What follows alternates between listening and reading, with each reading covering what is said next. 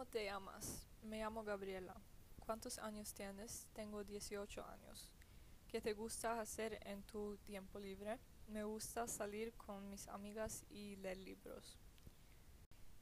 ¿Qué ves en la TV o el móvil? Me gusta ver series en la TV. ¿Qué tipo de música escuchas? Escucho, escucho en RB y música francés.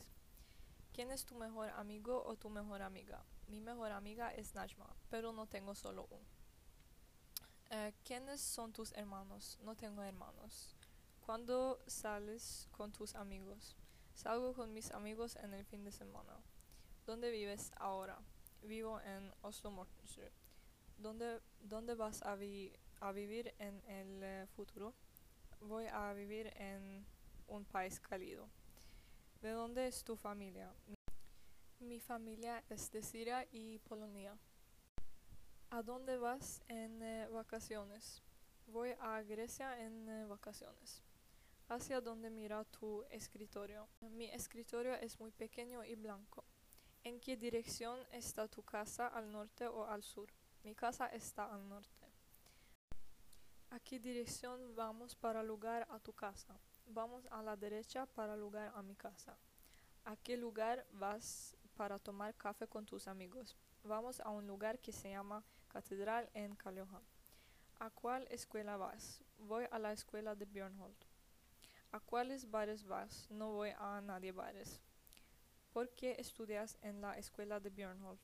Porque la escuela está muy cerca de mi casa. ¿Para qué estudias el bachillerato? Porque necesito una educación para llegar a un trabajo. ¿Cuánto tiempo miras al teléfono al día? Creo que miro al teléfono tres horas cada día. ¿Cuánta pizza comes a la semana? Como una pizza cada semana. ¿Cuántos libros lees al año? Leo dos libros al año. ¿Cuántas lenguas hablas? Hablo cuatro lenguas. ¿Cómo consigues nuevos amigos? Consigo nuevos amigos en mi trabajo, en la escuela, en las fiestas y muchos otros lugares. ¿De quién es tu casa? Mi madre y yo. ¿De quién es tu coche? ¿Solo tuyo o de toda la familia? El coche es para toda la familia. ¿Cuál es tu trabajo de tus sueños? Trabajo de mis sueños es un lugar muy bonito y moderno. Un trabajo que puede darme mucho dinero. ¿Qué vas a estudiar? No sé, quiero trabajar. Eh, ¿Qué quieres hacer este verano? Quiero viajar y pasar un buen tiempo.